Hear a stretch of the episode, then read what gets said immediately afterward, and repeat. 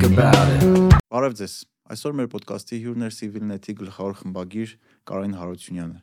Կարենի հետ զրուցել ենք այսօրվա իրականության մասին, ճգնաժամերի, Արցախի, թե ինչ է իրական դեմոկրատիան եւ այլ հետաքրքիր թեմաների շուրջ։ Անպայման բաժանորդագրվեք մեր ալիքին, սեղմ եք լայք կոճակը եւ եթե հավանում եք այն ինչ որ մենք անում ենք, մեր ոդկասթին ֆինանսապես կարող եք աջակցել Patreon-ի միջոցով։ Շատ շնորհակալություն բոլոր մարդկանց, ովքեր դա արդեն անում են։ Մեր ոդկասթի գործընկերն է Team Telecom Armenian։ Ընկերությունում արկա թափուր հաստիկները եւ Արցախից տեղահանված մեր հայնիկիցների համար նախատեսված ծրագրեր ներկայացնելու համար թիմը հոկտեմբերի 13-ից 15-ը մասնակցելու է Digitech Expo-ին, որը տեղի կունենա Meridian Expo կենտրոնում։ Մասնակցեք Expo-ին, հենց տեղում անցեք հարցազրույց եւ միացեք թիմին։ Գնացինք։ Կարոն ջան, չեմ հարցնում ոնց եք կամ ոնց ես։ Ինձ թվում է այդ հարցի պատասխանել շատերի մոտ ոչ իրական է, էլի։ Դժվար այսօր հարցին պատասխանել ոնց ես։ Առանց պաթոսի, առանց ոչ մի բան, որովհետև մեր օրինակ նախավերջի ոդկասթի հյուրը հոկեբան էր ու པարզ դասա, որ այս այս սիտուացիայում շատ-շատ մարդիկ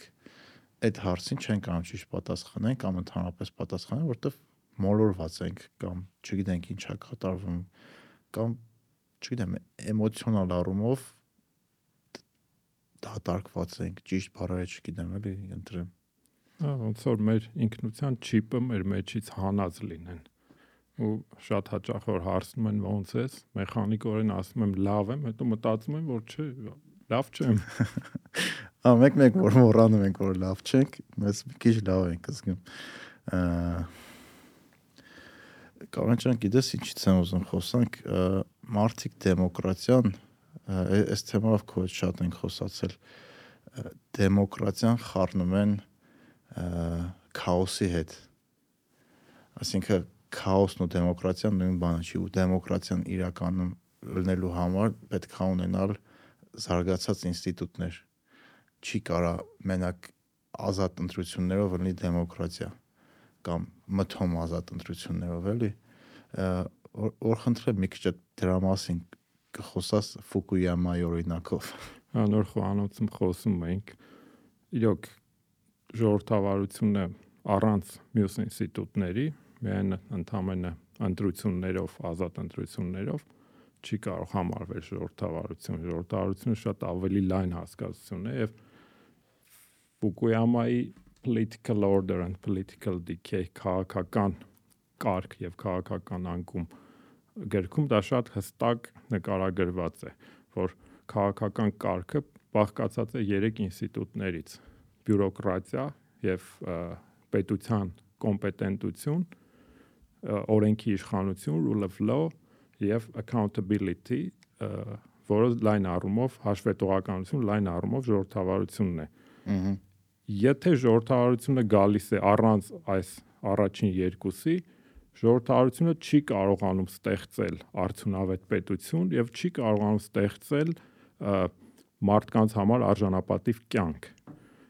իդեալականը երբ որ այս երեքի համադրությունն է լինում օրենքի իշխանության, օրենքի գերակայության, ժողովրդավարության եւ պետության կոմպետենտության։ Հիմա բացատրեմ թե Ֆուկույաման դա ինչպես է նկարագրում։ Օրինակ վերցրեք պետության կոմպետենտությունը, ինքը Չինաստանի օրինակից գալիս է եւ Չինաստանում ասում է որ առաջին արժանապատիվ առաջին մերիտոկրատիան ստեղծվել է Չինաստանում դեռ մոտավորապես 3000 տարի առաջ, երբ որ շարունակաբար պատերազմների մեջ էին չինական տարբեր փոքր պետություններ միմյանց հետ եւ նաեւ ոչ չինական այլ ուժերի հետ, այլ պետությունների, ի վերջո նրանք հասկացան, որ երբ որ դու քո զարմիկին գեներալ ես նշանակում, քո զարմիկին նշանակում ես, չգիտեմ, գանձապահ եւ այլն, վերջում գալիս այդ ամեն ինչը փլվում է քո գլխին եւ դու կոմպետենտ պետություն չես կարողանում ունենալ եւ ինքը բերում է որ սա մեծապես թերագնահատված է համաշխարհային պատմության մեջ Չինաստանի մերիտոկրատիկ պետության, կոմպետենտ պետության, ինքը կոչվում է դա ժամանակակից պետություն, modern state։ Հա։ Այդ իրողությունը եւ ասում է եվրոպացիները միայն դրանից 2000 տարի հետո կարողացան ստեղծել արժանապատիվ ներողություն կոմպետենտություն կոմպետենտ պետությունը ժամանակակից պետությունը մերիտոկրատիան եւ ասում եմ որ պետությունը պայքար է այդ արդյունավետ պետությունը ժամանակակից պետությունը պայքար է ընտանիքի դեմ որովհետեւ մեր բոլոր հասարակությունները մարդը որպես այդպեսին ունի այդ ալտրուիզմի դրսևորումը, երբ որ դու քո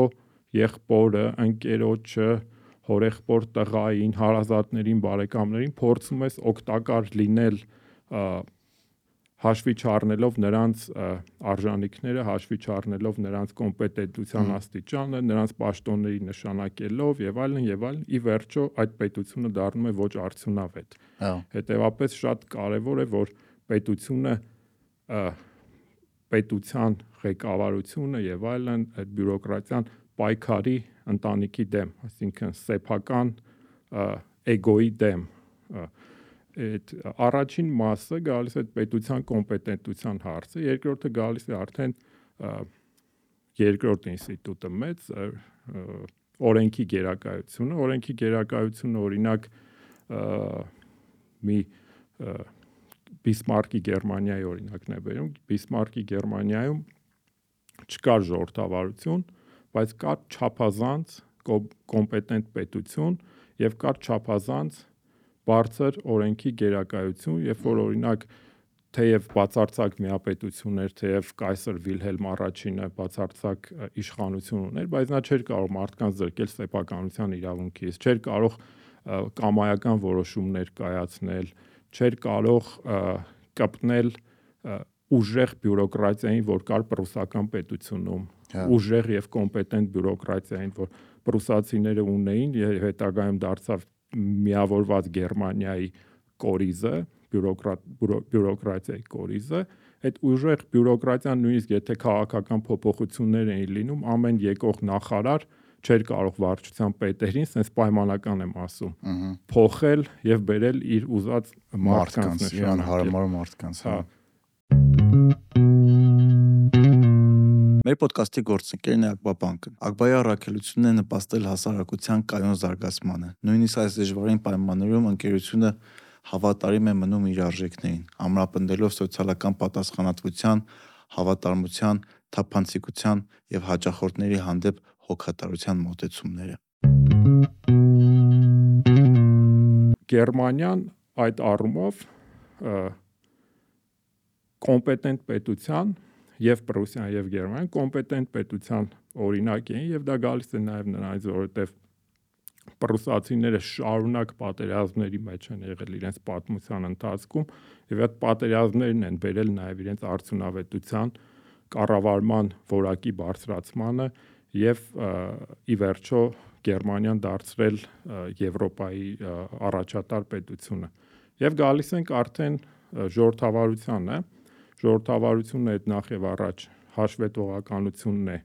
ընտրողների եւ ընտրվողների միջև եւ ժողովրդավարությունը առանց այս երկուսի չի կարող արդյունավետ լինել եւ չի կարող լուծել այն խնդիրները, որ կարող է որ ընդհանրապես պետք է արժանապատիվ հասարակությանը եւ օրինակ հետաքրքիր դրվագներ կան այդ գրքում, երբ համեմատություն է արում Չինաստանի եւ Հնդկաստանի մեջ։ Չինաստանը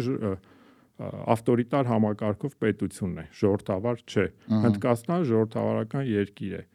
Չինաստանում վերջին 25-30 տարվա ընթացքում 500 միլիոն մարդ աղքատությունից դուրս է եկել։ Չինաստանը դարձել է աշխարհի առաջին երկրորդ տնտեսությունը, Հնդկաստանում ներողություն արտադրության համար 500 միլիոն մարդ ամեն օր դրսում է իր կարիքները հոգում։ Դեռ հա։ Հնդկաստանում կրթության մակարդակը ցածր է եւ օրինակ ուսուցիչների 45%-ը աս Ֆուկույամայի գրքի վիճակագրության չի ներկայանում դասերին։ Այսինքն համեմատություն է տարում, որ մի տեղ կա կոմպետենտ թեկուզ ավտորիտար պետություն, մյուս տեղում կա ժողովրդավար, բայց պետության կոմպետենցիայի պակաս ունեցող երկիր։ Հա։ Իմ նմանապես կան բազմաթիվ օրինակներ եւ իդեալականը լինում է երբ որ այս բոլորը համա հունչ են լինում եւ ներդաշնակ են լինում։ Մի, Միացյալ Նահանգները Ֆուկույաման կոչվում է վետոկրատիա, երբ որ ասենք ամեն մի սովորական օրենսդիր սենատոր կոնգրեսմեն կարող է բան դնել, վետո դնել դեսպանի նշանակման կամ որևէ այլ կարևոր որոշման վրա։ Կամ չգիտեմ, ցեխ ասից ինչ որ մի դատավոր նախագահի ընդունած օրենքը էլի վետո դնի։ Դե իրականում այդ մի քիչ ուրիշ արդեն բանի մասին է, խոսում է արդեն դատական իշխանության անկախության մասին, ինչը որ միացյալ նահանգների առավելությունն է կարծում եմ նկատմամբ։ Բայց ինչքանով են այդ ինստիտուտները ամուր, ժամանակակից էս պոպուլիստական շարժումների սոցիալական մեդիայի տարածման փուլում դարաշրջանում, չգիտեմ։ Դե ամեն դեպքում Թրամփ են ընտրում մարդիկ։ Հա, ժամանակի ընթացքում գերեվա արդեն ինձ թվում է շատ շատ շատ համակարգեր ոնց որ նայում է թուլանում ամբողջ աշխարհում։ Ու ինչի է դա վերելու չգիտեմ։ Նշեցիք, որ պատերազմների ընթացքում Գերմանիան ավելի ուժեղ դարավ։ Այդ բերեց ավելի կոմպետենտության։ Մեր դեպքում խիտենց չեղավ։ Մենք էլ 30 տարի անverջ պատերազմի մեջ ենք կարելի ասել բայց դա բերեց այդ բերեց հակառակ պատկեր են երևի Հայաստանում ես այդ հարցի պատասխանը տես միանշանակ չունեմ Նարեկ ջան բայց Գերմանիան սկսեց իր պետական Գերմանիա ասելով նկատի ունեմ Պրուսիան, որովհետև հա։ Գերմանիայի միավորումը ի վերջո տեր ունեցավ Պրուսիայի շուրջ։ Երկու մեծ հա։ պետություն էին մեծ տերություն էին պայքարում Գերմանիայի միավորման համար Ավստրիան եւ Պրուսիան, ի վերջո Պրուսիան ավելի հաջողակ դուրս եկավ հենց իր շուրջ միավորեց Գերմանիան, ինչու որովհետեւ Գերմանիան դասեր քաղեց իր պարտությունից 1806 թվականի Պրուսիայի պարտությունից հետո իրենց գեներալներից մեկը, որ շատ տենց հայտնի գեներալ չէր, բայց Նապոլեոնի դեմ պատերազմներում պրուսացիների կողմից կրվում էր Կարլ ֆոն Կլաուզևիցը։ Կարլ ֆոն Կլաուզևիցը ամբողջությամբ ռեֆորմի ենթարկեց պրուսական բանակը եւ պրուսական բանակն էլ ինչ որ առումով պետության մոդել էր փոքր եւ պրուսական բանակի սպաները երբ որ արդեն իրենց բաներից գալիս էին տրեյնինգներից հա էլի վերապատրաստումներից հա։ իրենց զորանոցներից գալիս էին իրենք արդեն իրենց համայնքում շատ ավելի հարգի հարգի էին իրենք սափրված էին ի տարբերություն ինձ իրենք իրենք գալիս էին թաշկինակ կար իրենց գրպանում եւ այլն եւ նույնիսկ այդ 17-րդ դարի 17-18-րդ դարի մի էթիկայի կանոնագիր կա որի մասին շատ հետաքրքիր գրաբան ունի, որին շատ հետաքրքիր անդրադարձ ունի Գեորգի Տերլուգյանը իր գրքում «Как устроен этот мир», ասում է, որ երբ որ գալիս էին այդ մարտիկ իրենց գյուղում արդեն հարգի էին, իրենք եղանակ էին թելադրում եւ այլն, եւ դա էր հարգվածը։ Հարգված էր որ մարտիկ ճիշտ են պահում իրենց եւ այլն եւ մի էթիկայի կանոնագիրք է վկայակոչում պրուսական էթիկայի կանոնագիր, որը ցույց է տալիս Գերմանիայի այդ ժամանակվա շատ վատ բարքերի մասին, միջև պրուսական այս պետության ամրացումը, ուժեղացումը եւ այդ էթիկայի կանոնագիրքում հետեւյալ բաները կային, որ շատ ներողություն արտահայտության սա, որ եկեղեցում չի կարելի տառել։ Կարիքն էլ հոգալ։ Որ գարեջրատանը չի կարելի միզել։ Հա։ Եվ այլն եւ այլն։ Դա ինչ էր նշանակում։ Նշանակում էր, որ այն Միշնադարյան կինոների նման է, որ բարքերը եղել են Պրուսիայում եւ մարդիկ մտածել են որ դրան վերջ պիտի տրվի եւ ի վերջո դրան կամած գնաց չնայած միջև հիմա գերմանացիների մոտ դեռ ընդունված է ինի ասած առաջին տարբերակը հա։ բայց մեծ հաշվով իրենք Mercedes ու BMW են արտադրում այո բայց հետաքրքիր է որ փոքրամասնությունն է որոշում կայացնում որ պետքա սենց լինի ու մեծամասնությանը պարտադրում է մեր դեպքում այդ ոնց որ էլի չի աշխատում իրականում այդ ժողովրդավարության միֆերից մեկը այն է, որ մեծամասնությունն է որոշում բայց դա միշտ չէ որ այդպես է օրինակ թե միացյալ նահանգներում թե Բրիտանիայում շատ երկար ժամանակ հանրության մեծամասնությունը ընտրելու իրավունք չուներ։ Օրինակ Միացյալ Նահանգներում մինչև 19-րդ դարի չեմ հիշում երկրորդ կեսը բացի այն որ կանայք ընտրելու իրավունք չունեն, ընտրելու իրավունք ունեին նրանք, ովքեր որ հարկ էին վճարում, ընտրելու իրավունք ունեին, այսինքն հանրության որոշակի շերտեր ներկայացնող մարդիկ, որոնք որ հասկանում էին։ Միգուցե դա ճիշտ էր, չգիտեմ, որովհետև հետաքրքիր կներ օրինակ հա։ Հայաստան ընտրություններին Բրիտանիայում նույնն է։ Մենք հա։ խոսում ենք օրինակ անգլիական բուրժուական հեղափոխություն, չէ 1640-48 թվականներ, բայց անգլիական բուրժուական հեղափոխությունից 200 տարի անց դեռ Բրիտանիայի բնակչության մեծամասնությունը ընտրություններին չէր մասնակցում հետեւապես այսինքն այս ժողովրդավարությունների մասին կարծրատիպ պատկերացումներ հա։ կան, կարծրատիպային ընկալումները, որ երբ որ խորանում ես իրականություն մի քիչ այլ է։ Հիմա մեր ժամանակներում, ասենք, ժողովրդավարությունը եւ պոպուլիզմը այնքան են, այսենց միահյուսվել, որ շատ հաճախ շատ լուրջ ճեղքեր են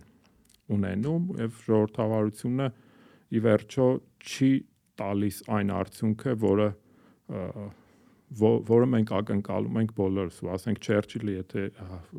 ժամանակին ասում էր, որ ժողովրդարությունը ամենավատ համակարգն է, չհաշված մնացած բոլորը, ես հիմա համոզված էլ չեմ, որ դա տենց է, թե չէ, թեև ինքս ես համոզմունքով եւ էությամբ ժողովրդավար եմ, բայց երբ որ հասկանում ես, թե ժողովրդավարության վրա ինչ սարսափելի ազդեցություն են ունենում շատ տարբեր գործոններ, թե պոպուլիզմը, թե մեդիա գրագիտության ցածր մակարդակը, թե սոցիալական մեդիայի այս ազդեցությունը, սրընթաց զարգացումն ու ազդեցությունը եւ մի շատ կարևոր բան է եւ մարդկանց մեդիա սպառման վարկագիծը։ Ի վերջո մենք հա։ խոսում ենք մեդիա գրագիտությունից, բայց չենք խոսում մեդիա սպառման վարկագծից եւ հոգեբանությունից։ Շատ հաճախ մարդիկ սպառում են այն ինչ որ ուզում են սպառել շատ լավ հասկանալով որ իրենց սպառած մեդիա product-ը կապ չունի իրականության հետ օբյեկտիվ իրականությունը չի տալիս բայց հա դա ինձ դուր է գալիս վերջ ես լսում եմ եւ կարդում եմ եւ դիտում եմ այն հաղորդումները եւ այն մարդկանց որոնք վերահաստատում են իմ համոզմունքները իսկ իմ համոզմունքները շատ հնարավոր է որ իրականությունից հեռու են եւ օբյեկտիվ իրականությունը չեն արտահայտում Red Invest Group-ը Արցախից ժամանած մեր հայրենիքեստերին կօգնի գտնել Վարչով բնակարան կամ առանձնատուն առանց միջնորդավճարի։ Ընկերությունը ստեղծել է Telegram-յան ալիք, որտեղ հավաքագրվում են թե գործակալությունների եւ թե անհատների կողմից վարձակալությամբ տրվող արկա բնակարանների եւ առանձնատների տվյալները։ Բոլոր հայտարարությունները տեղադրվում են բաց հասցեներով եւ հեռախոսահամարով բնակարանի սեփականատիրոջ հետ արագ եւ առանց միջնորդի կապ հաստատելու նպատակով։ Դուք եւս կարող եք միանալ բնակարան արցախցիների համար ալիքին, եթե Արցախից եք, փնտրում եք բնակարան Արցախից ժամանած մեր հայրենակիցների համար կամ ցանկանում եք ավելացնել այս պահին արկա որևէ բնակարանի կամ առանձնատան տվյալներ։ Հղումը բնութագրում։ Հա, կա տես բան։ Շատ մարդիկ հասկանալով ինչ են նա, մեկը նայում են։ Հա, ասում եմ, «Нет, нравится»։ Չգիտեմ։ Իսկ օրինակ եթե հետ գանք Հայաստանի օրինակին, մեր մոտ օրինակ կրթության մասով խնդիր ունենք, մեդիագրիտության, մեդիագրագիտության մասով խնդիր ունենք, պոպուլիզմի մասով ինձ թվում է խնդիր ունենք, ինստիտուտների կայացման առումով խնդիր ունենք։ Այդ դեպքում ոնց է Հայաստանում հնարավոր ունենալ ժողովրդավարություն, որը օգուտ կտար ոչ թե վնաս։ Ինձ թվում է այդ բոլոր համակարգային խնդիրները բերում են նրան, որ ժողովրդավարությունը չի լինում արդյունավետ, երբ որ ունենանք ավելի լավ կրթական համակարգ, երբ որ ունենանք ավելի լավ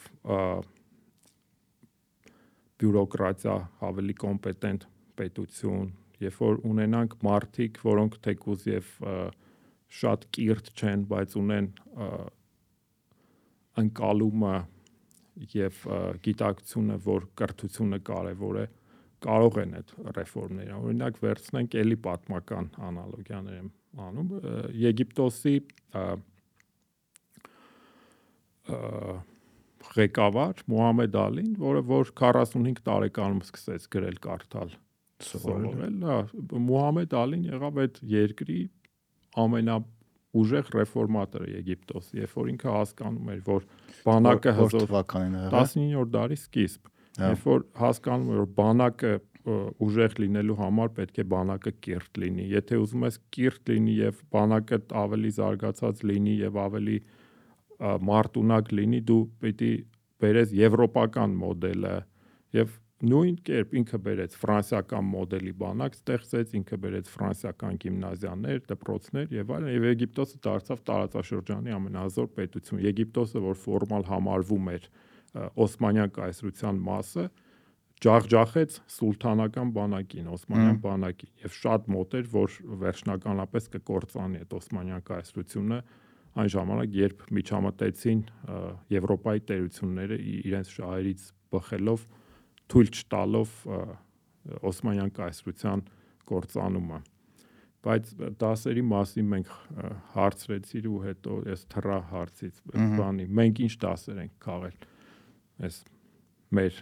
30 հաղթանակից, պարտությունից եւ այլն ցավոք ես ոնց նայում եմ մենք որպես ժողովուրդ, որպես հավաքական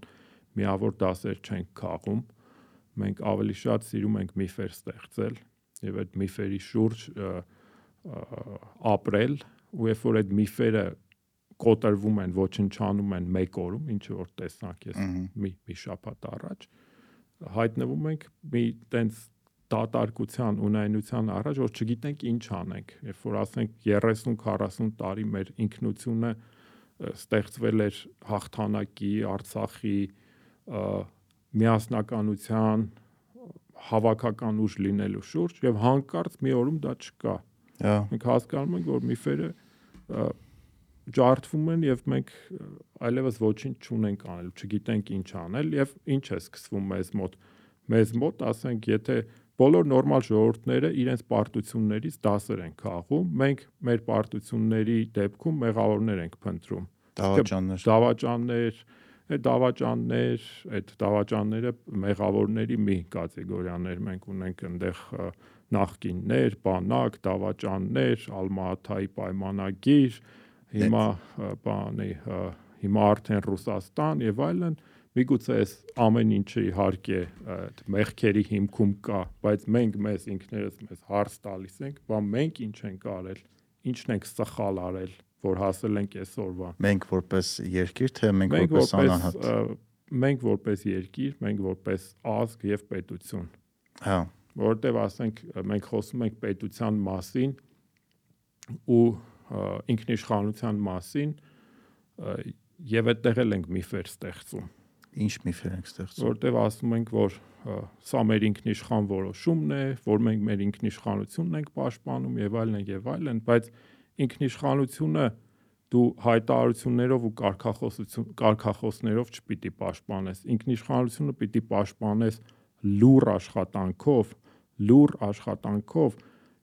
եւ համառ աշխատանքով եւ ինքնիշխանությունը ոչ թե ինքնանպատակ է, այլ միջոց է քո ազգին, պետությանը, հասարակությանը արժան արժանապատիվ կյանք ապահովելու համար։ Եթե դու ինքնիշխանությունը մսխում ես, ինքնիշխանությունը դառնում է ինքնանպատակ։ Հա։ Հասկանում եք, պետությունը նույնպես, պետությունը միջոց է, որ ազգը բարգավաճի ավելի արժանապատիվ եւ ավելի երջանիկ ապրի եւ զուտ այն հանգամանքը, որ դու պետություն ունես, դեռևս չի նշանակում, որ դու արդեն երջանիկ ես, որովհետև կան պետություն չունեցող ազգեր, որ մեզնից երջանիկ են։ Կատալոնացիները մեզնից երջանիկ են։ Իսպանիայի կազմում։ Այո։ Դե աշխարհում նա լավ տեղերից մեկում են ապրում։ Դե հիմա եթե տենց նայենք, մենք Նարեկ ջան, Հա մենք էլ ենք մեր հրաշ աշխարհի ամենալավ հա։ տեղում ապրում։ Աշխարհի ամենալավ կլիմայական գոտին։ Մեր այս փոքր տարածքում մենք 6 կլիմայական գոտ հա։ ունենք։ Այն ամառվա տապին բարձրացի արագացում ձյան մեջ թավալվի կամ չգիտեմ կամ լորվա անտառները գնա ամեն ինչ ունենք ասենք այս մեր հրաշք երկիրը մենք տենց ընդունում ենք որպես for granted էլի հա սենց է պիտի լիներ եւ դա գալիս է նրանից որ մենք երբեք մեր պետականության համար չենք պայքարել երկու անգամ գլխներիս ընկել է մի հատ 18 թվին անկել երբ որ ռուսական կայսրությունը փլուզվեց միֆերից է որ ոչ մի դասագրքում չեք կարդա դրա մասին մի անգամ էլ 91 թվին սովետական միությունը հա։ քանդվեց հա մենք չենք գնացել պայքարել որ անջատվենք որ մենք անկախ պետություն ենք լինելու եւ այլն բաց ցույցերը այդքան ընտրությունները ցույցերը եղել են Ղարաբաղյան շարժման ցույցերը ցույցերը եղել են մի պետության կազմում մի վարչական միավորը մեկ վարչական միավորին միացնելու պահանջով ի վերջո դրանք ավարտվեցին մեզանից անկախ հանգամանքներում եւ մենք անկախացանք թեև անկախության հարակվեին ամբողջ ժողովուրդը գնաց եւ այո ասաց. Ինչքան էր 95 99% իրականում դա էլ է միվ եւ խորապես համոզված եմ որ այդ թիվը չէր կարող լինել Ինչի՞ որտեվ այն ժամանակ կար բավականին լուրջ հատված, կար նախ հզոր կոմունիստական կուսակցությունը, որ հետագա մի քանի ընտրություններին բավականին լուրջ ձայներ էր հավաքում եւ 2000-ականներ իրանք ահագին պոպուլյար էին։ Շատ-շատ մարդիկ կային, որ պնդում էին, մենք անկախ լինելու դեպքում չենք կարողանալու ունենալ ամուր տնտեսություն եւ չենք կարողանալու ապահովել մեր անվտանգությունը։ Թե ինչպես ստացվեց, որ մենք 99% ունեցանք այո քվե, ես ճիշտն ասած չգիտեմ այդ հարցի պատասխանը եւ կասկածներ ունեմ, որ դա ճիշտ է։ Բայց եւ այնպես անկախությունը շնոր է որ ոչ բոլոր ազգերը ունեն անկախությունը ինքնիշխանությունը աշխարհում մոտ 5000 ազգ կա եւ մոտավորապես 190-200 են որ պետություն ունեն պետականություն մենք դրանցից մեկն ենք Հա։ Բայց մենք դա այնքան մատների արանքով ենք նայում այդ ամեն ինչին, որ հասել ենք այսօրվան։ Որ ասում ես ո՞նց է այդ ո՞նց էսի պատասխանը արդեն բոլորս գիտենք։ Շատ վատ։ Չնայած շատ մարդ կա, որ լավ էլ զգում են իրենց։ Հա, դա է ուզում ասել, լիքը մարդ հլա դեռ իներցիայով լավ ապրում է ու դոլարի կուրսը ավելի կարևոր է, քան երևի Արցախը, չգիտեմ։ Ա Ամեն մեկի ընտրությունն է, ոչ մեկին չեմ ուզում ոչ մի հարցով մեղադրեմ։ Որտեւ ինձ թվում է այս պատճառներից ինչ որ մի մասն է նրանից հա գալիս, որ մենք անընդհատ ուրիշներին մեղադրում ենք, որ իրանք մեր նման չեն մտածում կամ մեր արժե համակարգը չունեն կամ ուրիշ են։ Դե իրականում ուրիշ լինելը հեչ ված չի։ Դե հենց դա հա։ ուրիշ լինենք, մենք բոլորս տարբեր ենք։ Մեր բազմազանությունը մեզ գույն ու համա տալիս, բայց բայց չգիտեմ, ասենք որպես պետություն մենք տապալել ենք։ Եվ հիմա էլ նայում ես զգում ես, որ զգում ես, ասենք 6-րդ զգայարանով ես զգում, որ սխալ է գնում ամեն ինչ։ Օրինակ ասենք էլի մի օրինակ եմ վերում, մի քիչ ոչ քաղաքական շիմպանզեն Հարարին իր գրքում է դա ապագայի համառոտ պատմություն գրքում այդ օրինակը բերում շիմպանզեն այս ծառի վրայից պիտի գնա մյուս ծառի վրայի բանանը ուտի մյուս ծառի տակ նստած է առյուծը ինքը հաշվարկում է իր մոտ ալգորիթմ է աշխատում ամբողջ կենթանական աշխարհում այդ ալգորիթմը աշխատում ինքը մտածում է արդյոք ես այնքան սոված եմ որ այդ ռիսկին պիտի դիմեմ եւ գնամ առյուծի մոտով բարձրանամ ծառը այդ բանը ուտելու եւ այդ ամբողջ հաշվարկների արդյունքում է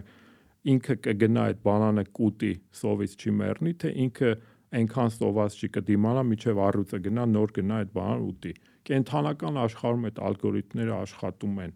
մարդկային հասարակության մեջ այդ ալգորիթմները աշխատում են։ Մեր այս ներկա պետության մեջ ես նայում եմ ոչ մի ալգորիթմ չի աշխատում։ Մենք բնական վաղ չունենք, հա։ ասենք զեբրան, որ գալիս է կոկորդիս կոկորդիլոսներով լեցուն լճակից ջուր խմելու ինքը երբեք երկու ոտը չի դնում ջրի մեջ ինքը միշտ զգուշ է որ հանկարծ կոկորդիլոսը հայտնում ինքը պիտի ցածկի այդ փախչի որտեվ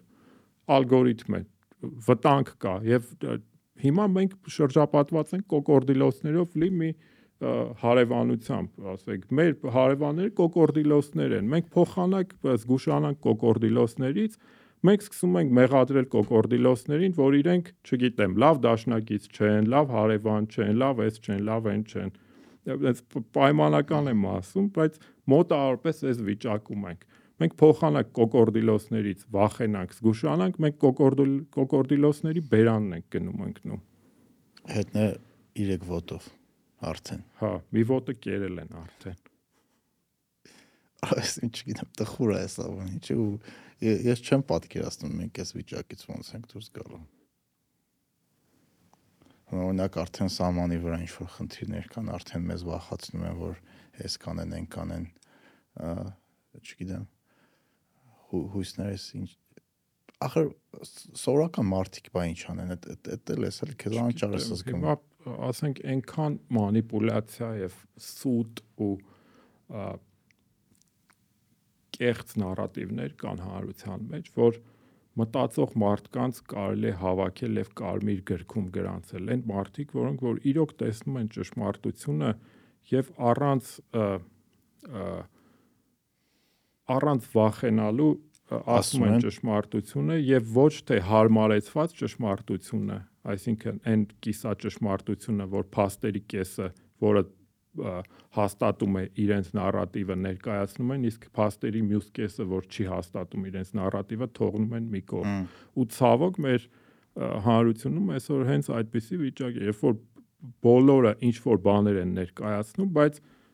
կիսա ճշմարտությունը, այդ կիսա ճշմարտությունը շատ ավելի վտանգավոր է, քան սուտը։ Բայց ոնց հասկանանք կիսա ճշմարտությունը, թե չէ, որովհետև մեկը մի բան ասում, մյուսը մի բան ասում, ընկերդ ուրիշ բան ասում, չգիտեմ, papat ուրիշ բան ասում, mamat ուրիշ բանի է հավատում, բոլորը այդ խոսում ես, շփվում ես, լսում ես ու վերջում հասկանում ես, որ չգիտես ինչա կատարվում, ով է ճիշտ, ով է սխալ, ու մի կողմից նայում ես, չգիտեմ, ինչ որ հանրության անդամներ, որոնք ուրախանում են, որ մեր համակարգացիներին, օրինակ, չգիտեմ, Ադրբեջանը ձերբակալում է Հա, դա լիվ չգիտեմ, ասենք հայ մարդը ոնց կարող նույնիսկ եթե ասենք մարդը, որին ձերբակալում են քո հակառակորդն է, թշնամին է, չգիտեմ, ատում է, ոնց հայ մարդը ուրախանա, որ իր կործանված երկրորդ պետության զորավարներին, պետական այրերին ձերբակալում են քո քո հակառակորդը, քո թշնամին, որը որ առավոտից իրիկուն հայատյացություն է կարոզում, ուրախանալ դրանով, ասենք, չգիտեմ, ինչ որ հիվանդություն է դա մեր մեր ազգի մեջ, չգիտեմ, դա մեզ ներհատուկ բան է, թե ուրիշ ազգերի մոտ է լա։ Չէ, ուրիշների մոտ է կա միանշանակ դու դու շատ կարդացած ես հաստատ։ Եթե մարդը հանցագործը բերեք ախպեր ջան, մեր դատարանում, դա Ադրբեջանի դատարանում դուք պիտի ուրախանաք, որ առանց օրենքի հայ մարդուն կարող է հա, դատեն ու ինչ ինչ հիմա նայեք ասենք վերցրեք Ռուբեն Վարդանյանը ամբողջ կյանք այդ մարդը անկախ նրանից մենք իրեն ընդունում ենք թե չէ ես լիքը հարցերով իրեն չեմ ընդունում որովհետև ինքը ֆանտազիոր էր ու երբեմն այդ այդ այդ ֆանտազիաները իրականության հետ առանձնապես կապ չունեին բայց այդ մարդը ամբողջ կյանք աշխատել է ուրիշ երկրում այդ փողը բերել Հայաստանում ներդրումներ արել եւ նաեւ գնացել Ղարաբաղ ինչ-ինչ թեկուզ անձնական փառասիրության համար, բայց կապ չունի ինչ որ քայլեր անում է եւ հանկարծ Ադրբեջանը բռնում է այդ մարդուն, հայ մարդուն, որը իրոք լավ պրոյեկտներ է եւ բանը, այստեղ մարդիկ կան, որ ուրախանում են դրանով։ Հմ։ Անհասկանալի է։ Ինձ թվում է, գիտեք, որտեղից այդ նարատիվը գալիս, որտեվ նայեք, օրինակ, շատ երկրներում պոպուլիզմի աճի աճի հետ հետ մեկտեղ ու սոցիալական ցանցերի աճի հետ մեկտեղ չնայած մինչև այդ է կարճ այդ ամեն ինչը մարդկանց սկսեցին շատ պոպուլիստներ ու սա աշխարհում դա եղավ մեր մոտ էլ նույն նույն ձև ա եղել սկսեցին մտցնել այն նարատիվը, այն միտքը, որ դու վատ ես ապրում ինչ որ մեկի պատճառով անընդհատ այդ նույն մեսեջը, անընդհատ այդ նույն մեջ դու վատ ես ապրում սրախաթեր, դու վատ ես ապրում։ Դրա մեջ կա ճշմարտություն։ Ու մարդը դա կարողանում է շատ հեշտ ընդունի, որովհետև դու երբեք չես ուզում ինքդ քեզ ինքնագնահատես ոնց որ ինքդ քեզ դու ընդունես այն գաղափարը, շատ դժվար է ընդունել այն գաղափարը որպես մարդ, որ ինչ որ մի բան դու անընդհատ սխալ ես արել, ինչ որ միտեղ դու թերացել ես ու այսօրվա քո կարգավիճակի մեղավորը մենակ այն մարդը չի, այլ նաև դու ինչ որ միտեղ հա ինքն է բա մնացածը ու այդ մարդիկ դարել են այդ մարդկանց համար անձնական ճշմարի ինչ որտեղ ճիշտ է որ իրանք թե ոնց ասեմ ինչ որ միտեղ ճիշտ է որ իրանք նրանց պատճառով վատ են ապրել որովհետև կոռուպցիա ա եղե, թալան ա եղե, գողություն ա եղե ու այն բարիկները որ պետքա բաշխվեր մարդկանց կամ ինֆրաստրուկտուրա ստեղծվեր կամ չգիտեմ ավելի բարձր թոշակներ լինեն չկա ազդեցություն ունեցել է բայց դժվար է ընդունել որ մենակ դա չի պատճառը օրինակ շատ տեղ պատճառ այն է որ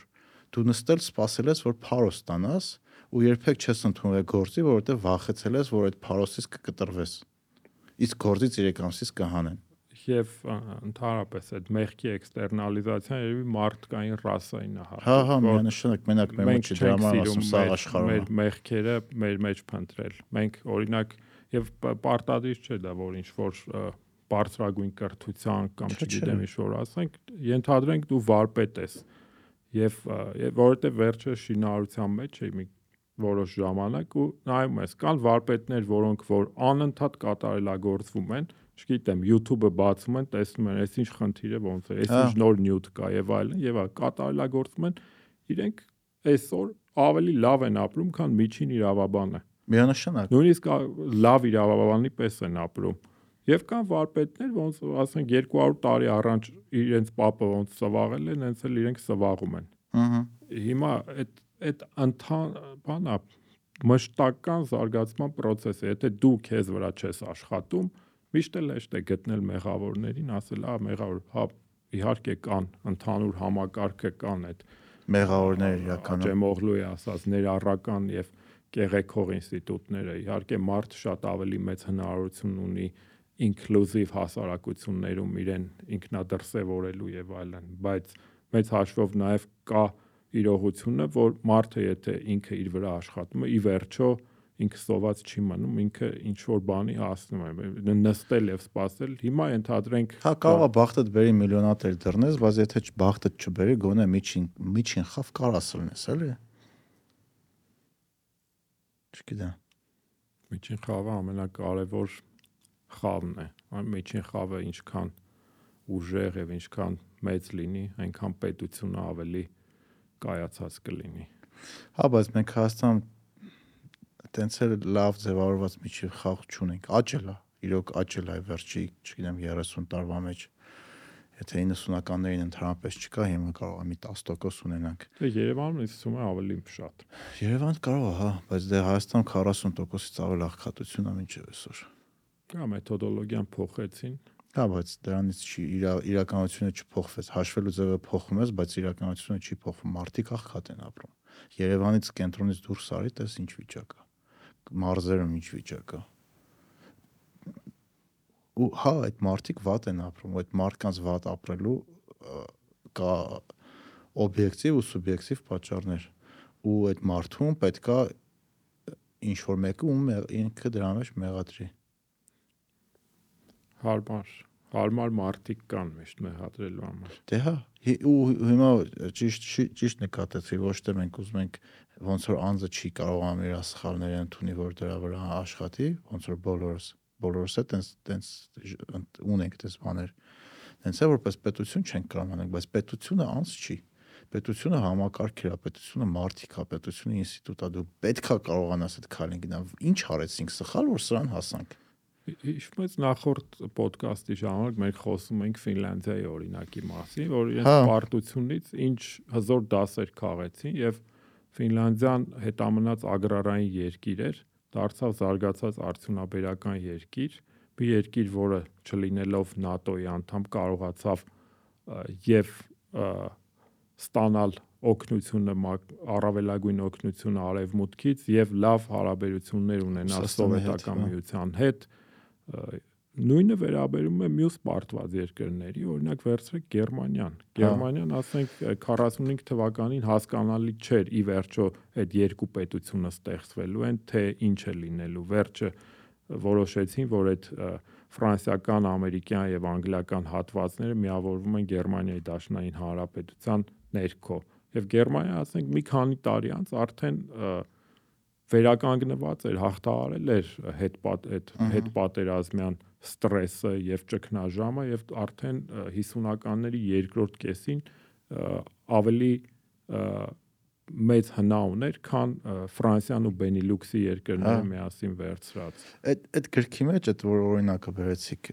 ափի վրա, չէ՞։ Հա անցած ոդկասթին խոսացինք դրա մասին։ Այնտեղ Ֆինլանդիայի մի հատ կտոր կա, որ իմ մոտ շատ էր տպավորել։ Իրանք իրանց երևի ավելի վատ վիճակում են դրել, քան հիմա ենք մենք որտեվ մեր մոտ հիմա ադրբեջանցիներն են մեր քաղաքացիներին գողացել ու դատում սովետական միությունը Ֆինլանդիային ստիպեց, որ Ֆինլանդիան ինքը իր գեներալներին ու նախագահներին դատի։ Դուք պատկերացնում եք մեր մոտ եթե տենց բանալներ։ Խեղճ ֆինները իրականում հերոս ազգ էին, էլի խոսքը ձմեռային պատերազմի մասին է, որ չգիտի։ Նախ սովետական ագրեսիային ենթարկվեցին, չէ որ պատերազմից առաջ երկրորդ համաշխարհայինից առաջ եւ հետո ստիպված էին դաշինք կնքել Հիտլերի հետ ընդդեմ սովետական միության եւ հետո ստացվեց այնպես որ պարտվեց Գերմանիան եւ ֆինները մնացին մեն-մենակ խորթային միության եւ դաշնակիցների առաջ եւ պարտադրեցին նրանց, որ պատերազմի ժամանակվա իրենց հրամանատարներին, պետական այրերին եւ այն պետք է բանտարկեն։ Ֆինները ստեղծեցին լավագույն պայմանները բանտում այդ մարդկանց բանտարկելու համար գնացին ինչ որ կոմպրոմիսի մեզ մեզ մոտ դա մի քիչ դժվար է մենք տենց ծայրահեղության երևի հանրություն ենք մենք մեր առավելապաշտությամբ կործանեցինք ամեն ինչ հմ Իսկ սրանով Ադրբեջանը կանգնելու է, օրինակ շատերը ասում են, որ սրանով Ադրբեջանը հաստատ չի կանգնելու։ Իհարկե ոչ։ Սյունիքի ախորժակ ունի, Սյունիք, անկլավներ, անկլավներ, հա ու քանի չի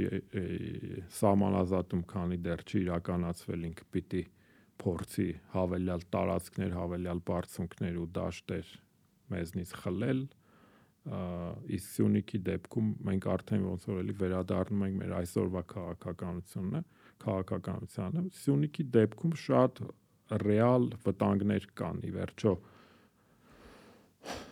2020-ի նոեմբերի 9-ի համաձայնագիրը մեր քաղաքական դաշտում շատերը կոչեցին կապիտուլյացիա, միջդեռ իրականում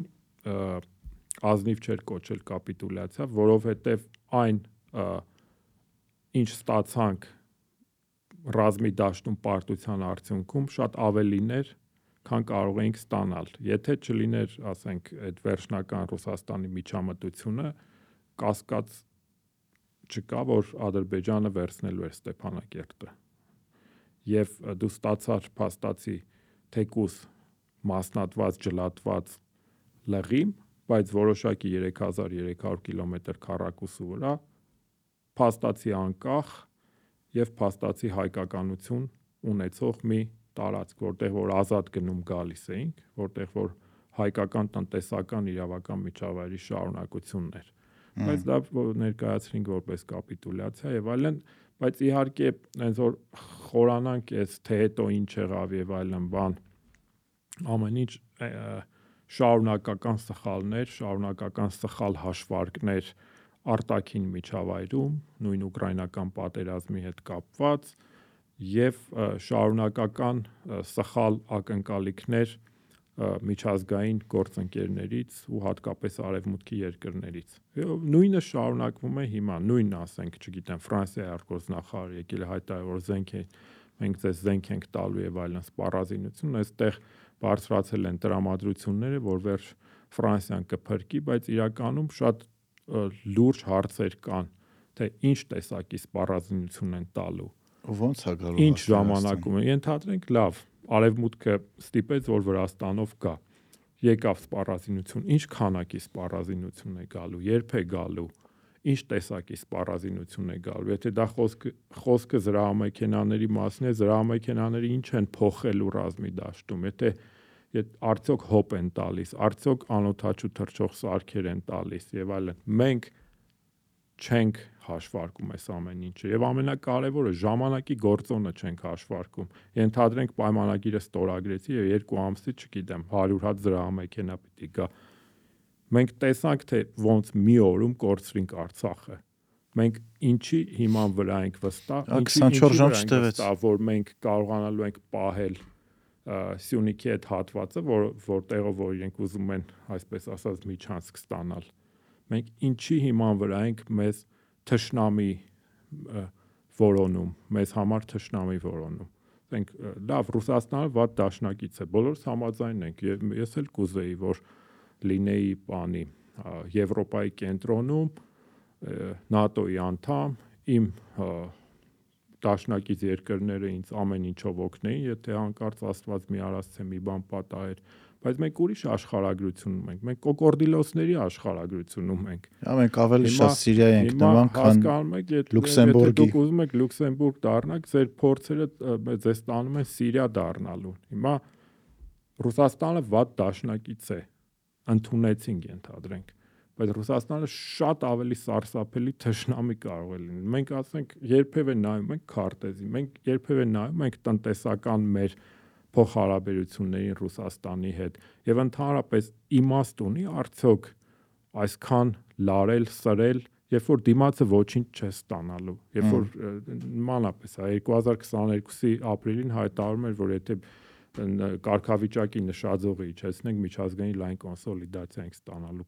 կարգավիճակի նշաձողը իջեցրինք, միջազգային ոչ մի կոնսոլիդացիա չստացանք եւ կորցրինք Արցախը։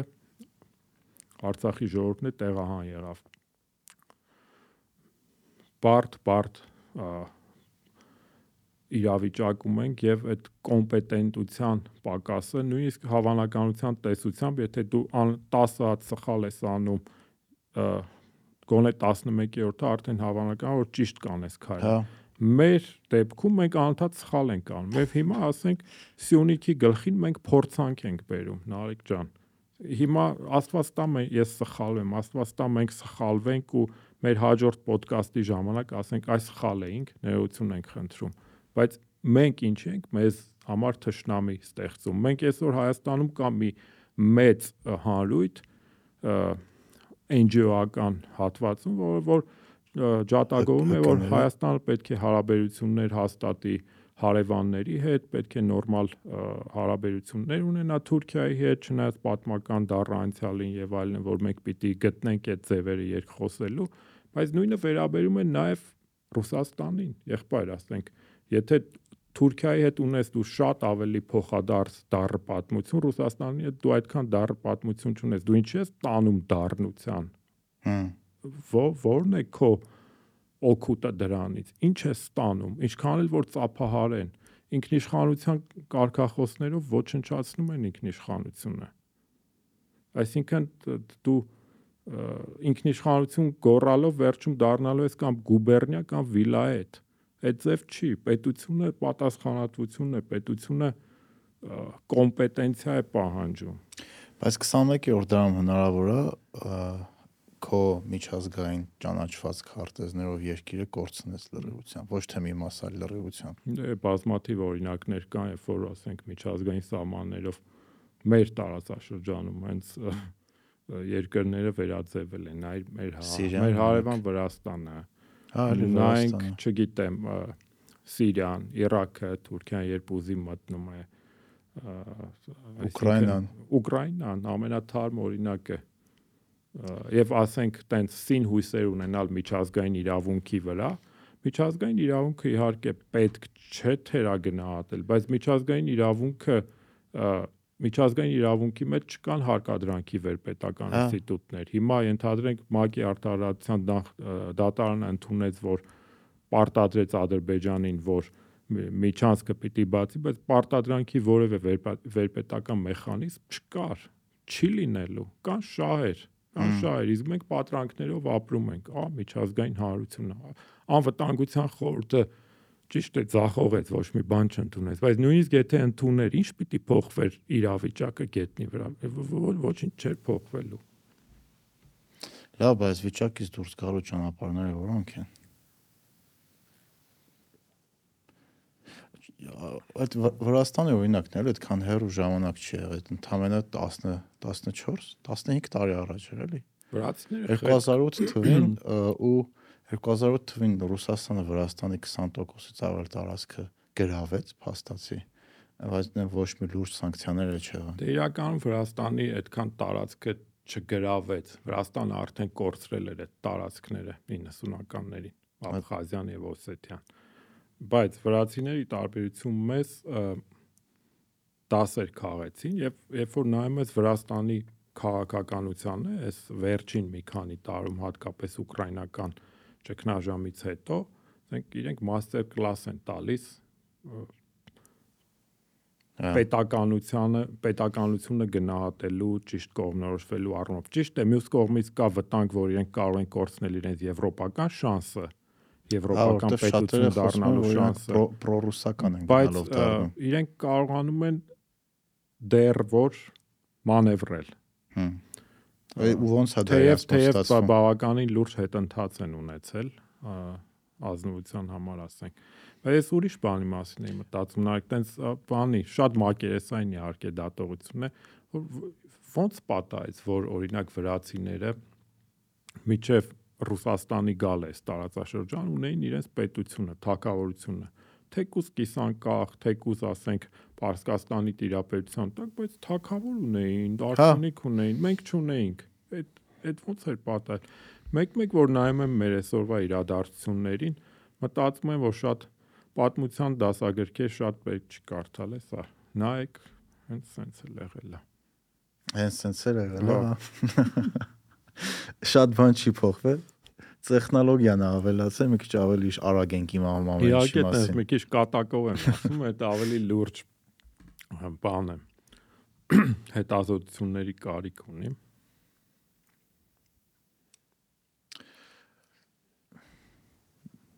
վրացի ընկերներից հետ որ խոսում եմ, իրանք հիմա բողոքում են։ Ասում են, որ իրանք իրանք էլի գնում են դեպի Ռուսաստանի ուղղվածությամբ ու Ռուսաստանի ազդեցությունը Վրաստանի վրա էլի աճել է։ Օրինակ 10 տարի առաջ դեռ չէր աճել է։ Փոքր երկրների սինդրոմն է դա, երբ որ ունես նման մեծ հարևաններ, բնականաբար նրանց ազդեցությունը աճում։ Նայած դե դու ինչքան խելացի եւ շնորհալի կգտնվես, այդ ազդեցությունը հոգուտ քեզ օգտագործելու է։ Թե այդ ազդեցությունը բերես, չգիտեմ, ենթադրենք մենք որպես պետություն ինչ ենք արել, որ այն որակյալ աշխատուժը Ռուսաստանից, որ եկավ Հայաստան, մնա այստեղ, ինչ որ պետական քաղաքականություն եղել է, թե ոչ։ Դե նայեք Իսրայելի օրինակին, այդ Startup Nation գիրքը կա, շատ լավ նկարագրում է Իսրայելի թռիչքը։ Իսրայելի թռիչքը հատկապես եղավ 90-ականներին, երբ որ խորհրդային միությունը փլուզվեց եւ մոտավորապես 1 միլիոն բարձրորակ աշխատուժ տեղափոխվեց Իսրայել։ թռիչքը այդ ժամանակ եղավ։ Դու տարիներ, տասնամյակներ են հարկավոր, որ դու ստեղծես այն որակյալ աշխատուժը, որը հանկարծ 1-2 ամսում Ռուսաստանից եկավ հայտնվեց Հայաստանում։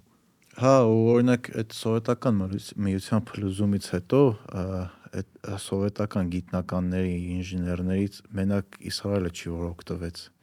Նաև ԱՄՆ-ն օգտվեց, Եվրոպան օգտվեց, որովհետև 90-ականներին ԱՄՆ, Հայաստանից, Ռուսաստանից, բոլոր post-սովետական երկրներից այնքան ինժեներ ու գիտնական գնաց ու սկզբնական իրանք առաջի մի տարի, երկու տարին, անգամ 3 տարին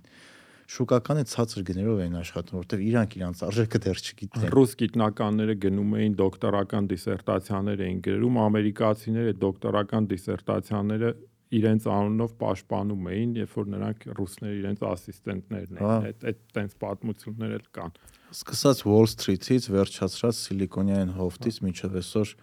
սովետական դպրոցի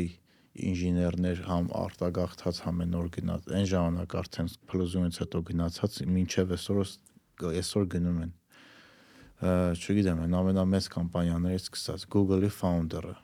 ինքը Սերգեյը իր ծնողները Ռուսաստանից արտագաղթել են։ Մոսկվա մածնվել Սերգեյ, շատերը չգիտեն։ Սերգեյ Բրինը։ Սերգեյ Բրինը Google-ի համահիմնադիրը ծնվել է Մոսկվա, Ռուսաստան, Մոսկվա, Ռուսաստան Միջև մածնվել։ սովետի փլուզումն են կարծեմ Հա, գնացել իրենք։ հա, կամ չգիտեմ, Amazon-ի տնօրեններից մեկն է ռուս կինա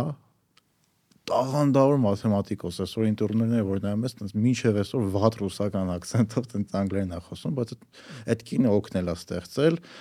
Amazon-ի այսօրվա ալգորիթմը, որ նենց է քեզ խորհուրդներ տալի ինչ ապրանք գնես, որ գնա գալիս եմ ու այդ այդ մարդիկ գնացին այդ այդ մարդկանց մենք կորցրեցինք Իսրայելը, Ամերիկան ու մնացած Մենք էլ շատ կորցրինք, բացի այն, որ Ռուսաստանից գաղթեցին, Հայաստանից Հայաստանից հա։ շատ-շատ կորցրինք այդ որակյալ աշխատուժը։ Այդ Startup Nation գրքում շատ հետաքրքիր դրվակա գիրքը հենց դրանով է սկսվում Շիմոն Պերեսը Դավոսի համաշխարհային տնտեսական ֆորումում հանդիպում է մի իսրայելցի գործարարի հետ, որը նրան սենց հետեւյալ ծրագիրն է ներկայացնում, որ մենք մեր սահմանափակ տարածությունը Իսրայելի, երբ որ դու քո մեքենայով չես կարող գնալ հարևան երկրներ, փակի անվտանգության եւ այլնի խնդիրներ կան, կարող ենք ի նպաստ մեզ օգտագործել որպես էքսպերիմենտալ փորձ, որպես լաբորատորիա ու հե- հետեւյալն էր ը, գաղափարը, որ կան էլեկտրական մեքենաներ, որոնց հիմնական խնդիրը նա է, որ երկար ճանապարհներ չեն կարողանում հաղթահարել։ Եկեք այդ էլեկտրական մեքենաները վաճառենք, ինչպես հեռախոսներն են վաճառում։ Դու հեռախոսը գնում ես եւ բջջային օպերատորից գնում ես րոպեներ։ Դու հետեւապես ասում ես մենք եթե դու ուզում ես էլեկտրական մեքենան լիցքավորես, քեզ մի ամբողջ գիշեր է պետք կամ մի քանի ժամ է պետք։ Մենք էլեկտրական մեքենաներ վաճառում ենք, բայց երբ որ էլեկտրական գալի մեքենան գալիս է, պայմանական լցակայանը, նրա ակումուլյատորը փոխում են անմիջապես 2 րոպեում, դնում են նոր լիցքավորված ակումուլյատոր, ինքը շարունակում է քշել, այնպես ինչպես հեռախոսը դու րոպեներն ես լիցքավորում, այդպես։ Ու բազմաթիվ ինովացիա, մեկ շնչին ընկնող ինովացիաներով Իսրայելը համար առաջինն է աշխարհում Հմ։ որտեվ իրենց միջավայրը դրան նպաստել է։ Հիմա մեզ մոտ էլ օրինակ խոսում են դե բանակը մեր բանի չգիտեմ, տնտեսությունից ռեսուրսները տարել է եւ այլն, բայց Իսրայելում բանակը հենց տնտեսության առաջատար ուժն է դարձել ինովացիաների, ը, գիտելիքի, հետեւապես ասել, որ բանակը խանգարում է պետության զարգացմանը, այդքան ճիշտ չէ։ Նայած թե դու ինչպես ես Հա, հա։ կազմակերպում։ Մի քանի ոդկաստ առաջ հենց այդ է պատմում, որ Իսրայելի բանակը ամենամեծ ոնց որ մարկային ռեսուրսների դիպարտամենտն է երկրի, որ տեստեր են անցկացնում 18 տարեկան այդ նորակոչիկների հետ ճիշտ ուղղորդում են ինչ որ ուղությամբ, որտեղ այնտեղ կիբերանվտանգությունից մինչև չգիտեմ, կինո կին- կինիզոլոգներ կան ամեն ինչ քեզ ճիշտ ուղղություն են տալի, հետո քեզ այդ մասնագիտությունը սովորացնում են։ Այնտեղ մի քանի մեծ կիբեր անվտանգության հետ կապված կազմակերպությունների տնօրեններ ասում են մենք ծրագրավորում սովորել ենք բանակում։ Մեզ բանակում են դա սովորացրել ու բանակի տված գիտելիքը անգնահատելի է։ Օրինակ ես որպես մեդիայի ներկայացուցիչ ունենք live stream-ի սարք, որ մի արդեն 10 քանի տարի այդ նույն ընկերությունից ենք առնում։ Ինչ էր անունը։ Ես ձեր այդ ծառայած Freecaster-եր, ինչեր չեմ հիշում։ Իսրայելական ընկերություն է, իսրայելական արտադրանք, ամեն մի քանի տարին մեկ փոխում ենք իրենց մասնագետը ցուցումներ է տալիս եւ այլն։ Այդ տեխնոլոգիան ուղիղ հերարցակման իսրայելական բանակից է եկել։ Իսկ քաղաքացիական արտադրության են դրել հա Այսինքն մի բան որ ռազմականից տեղափոխել են քաղաքացիականի։ այդ ձեր այդ սերվիսից ես օգտվել եմ տարիներ առաջ Համեցեք։ իրական լավ լավ բան է այն ժամանակ որ live stream-ը մի քանի տարի առաջ շատ դժվար էր դեռ անել հատկապես ոչ քո ստուդիայից անտիր լուծում էր գալի դնում կամերաները դնում ես կպնում ես իրանց սերվերներին ու քո ուզած տեղը միանգամից ստրիմ արա ինչ ուզում ես հա հիմա ամեն մեկ իր չգիտեմ պատվալից կարա ինչ ուզի ստրիմ անի live բայց ժամանակին այդպես լուրջ տեխնոլոգիա էր համարվում Իսկ Կանջան դու ո՞նց ես տեսնում լուծումները, օրինակ ինչ քայլեր պետք է ձեռնարկենք որպես պետություն, որպես հասարակություն, որպես անհատները, որս իրավիճակ, որ մի քիչ փոխենք էլի ուղղությունը, որ դժբախտությունը դժբախտության հետևից չգա, էլի։ Սկսած ախր ամեն տեղ արևում սուրմալու է պայթում, բենզալը կցականը վառվում։ Հա, զորամասա, զորանոցա վառվում, զորանոցա վառվում, մեռնում են ճանապարհին ճանապարհին այնքան ավարիաներ անում տրանսպորտային պատահարներ անում, որ եթե չեմ սխալվում, Եվրոպան մենք մահացելության աշճանով առաջատարներն ենք։ Տեսեք ինչ որ բան առաջատար ենք, քաղցկեղի մակարդակով, լիքը լիքը այդ վատ բաներ մեր մոտ շատ-շատ ու չգիտեմ օթի ախտատվությունը Երևանը մարդիկ շատերը չգիտեն աշխարհում նա կեղտոտ օթերից մեկը ունի նայլա քաղաքների մեջ կատալիզատորները վաճառը լավ բացի դրանից շինարարությունները այդ փոշիները որ ոչ մի ասինքն այս ամենը չխոսում եմ մի բանի մասին որ մենք տոտալ ամեն ոլորտում ֆեյլ ենք եղել ֆեյլ ոնց է հայերեն ծախողել ծախողել ենք համարյա ամեն ինչ ոլորտներ կան, որ փորձում են զարգանան, տեղից փոխվեն, անհատներ կան, որ փորձում են ինչ-որ մի բան անեն։ Լավ բան է, վատ բան չկա, բայց համակարգային առումով որպես պետություն մեր մոտ առողջապահությունից սկսած, չգիտեմ, ինչ ասեմ, բանակով վերջացրած, հա, ասենք շուրնուխում միջև հիմա, ասենք 2020-ի պատերազմի այդ դուժած մարդկանց տները չեն սարքել, չեն ասենք նայում ես հարևան պետությունը, որին մենք միշտ ձեռ էինք առնում,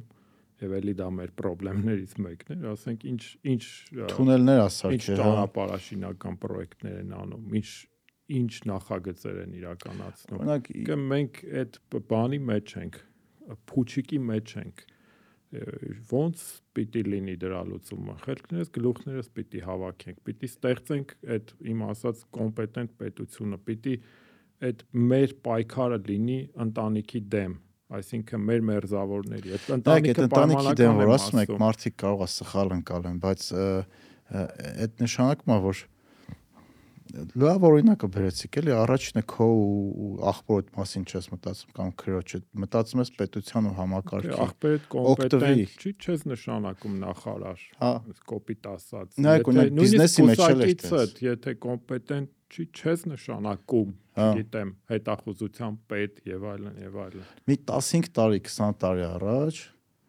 երևի 15, հա 15 15-ից 20 տարի բիզնեսում լրիվ նույն վիճակներ, ոնց որ հիմա պետություն կառավարությունում հա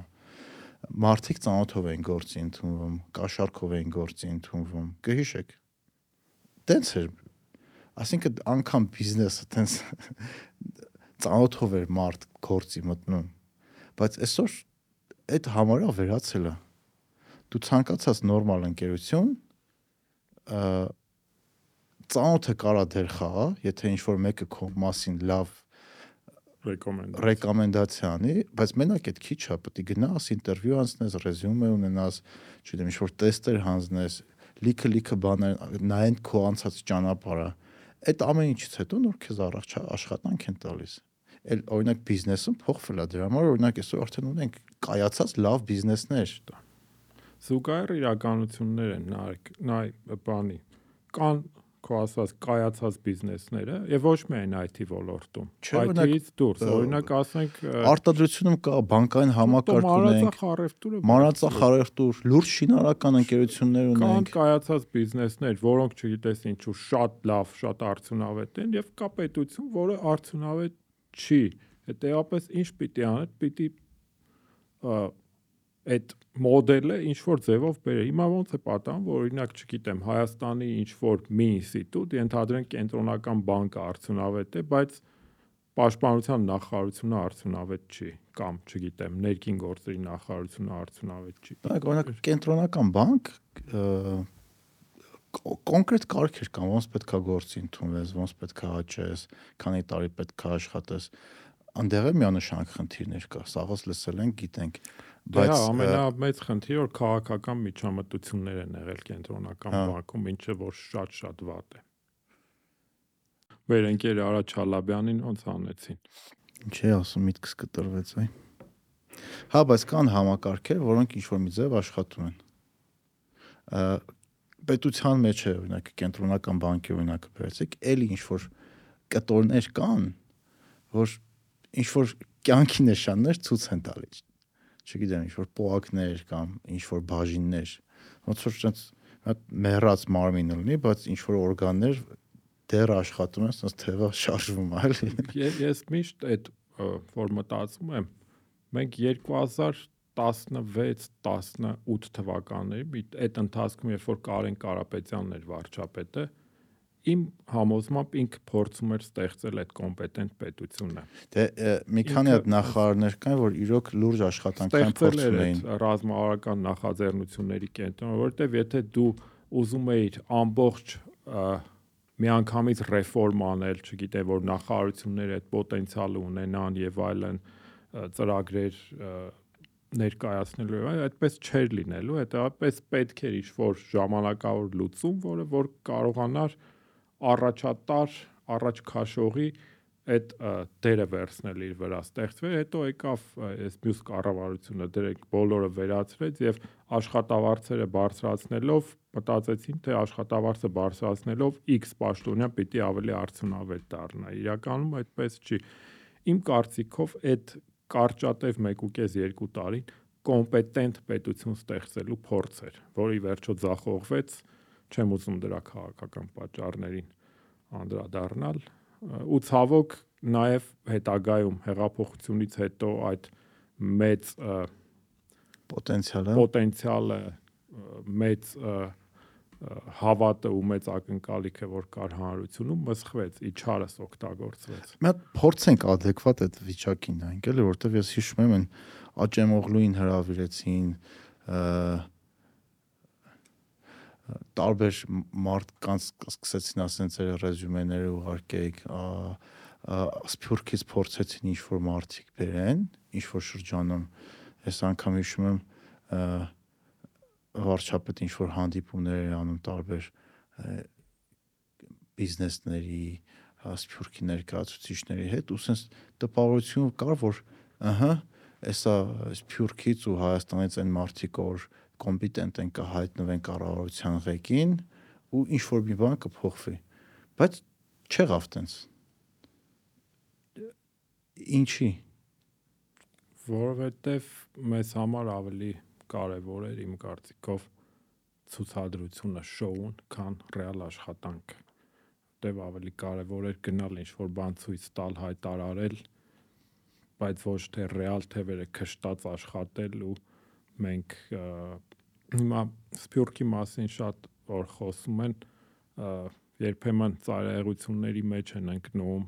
երբեմն չգիտեմ արհեստական մեխանիկական համեմատություններ են անում Հայաստանի հնայի ու Սփյուռքի հնայի այդ բոլորը իրականության հետ կապ չունի բայց կա մի կարևոր իրողություն, կարևոր գործոն, որ մենք չենք օգտագործում, այդ Սփյուռքի մարդկային պոտենցիալն է։ Սփյուռքի մարդկային պոտենցիալը ռեալ Հայաստանի կարող է շատ-շատ բան տալ։ Այն մասնագետներին, որոնք դու, որոնց դու պիտի փնտրես, չգիտեմ, որտեղ եւ չգիտեմ ինչ գումար տաս, որ կան աշխատեն Հայաստան, դու հանգիստ կարող ես Սփյուռքի այդ պոտենցիալին ներգրավել քո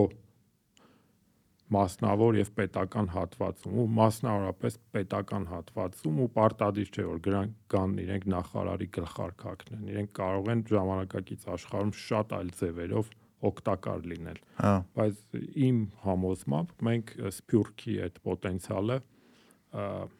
մսխել ենք կամ առնվազն չենք օգտագործում ու սփյուռքը այդ Հայաստան հիմնադրամով հավաքված գումարները չեն որ կան այստեղ դպրոց կառուցեն, բայց դա կրթության որակի վրա որևէ կերպ չազդի։ Սփյուռք այն մարդկային ներուժն է, որ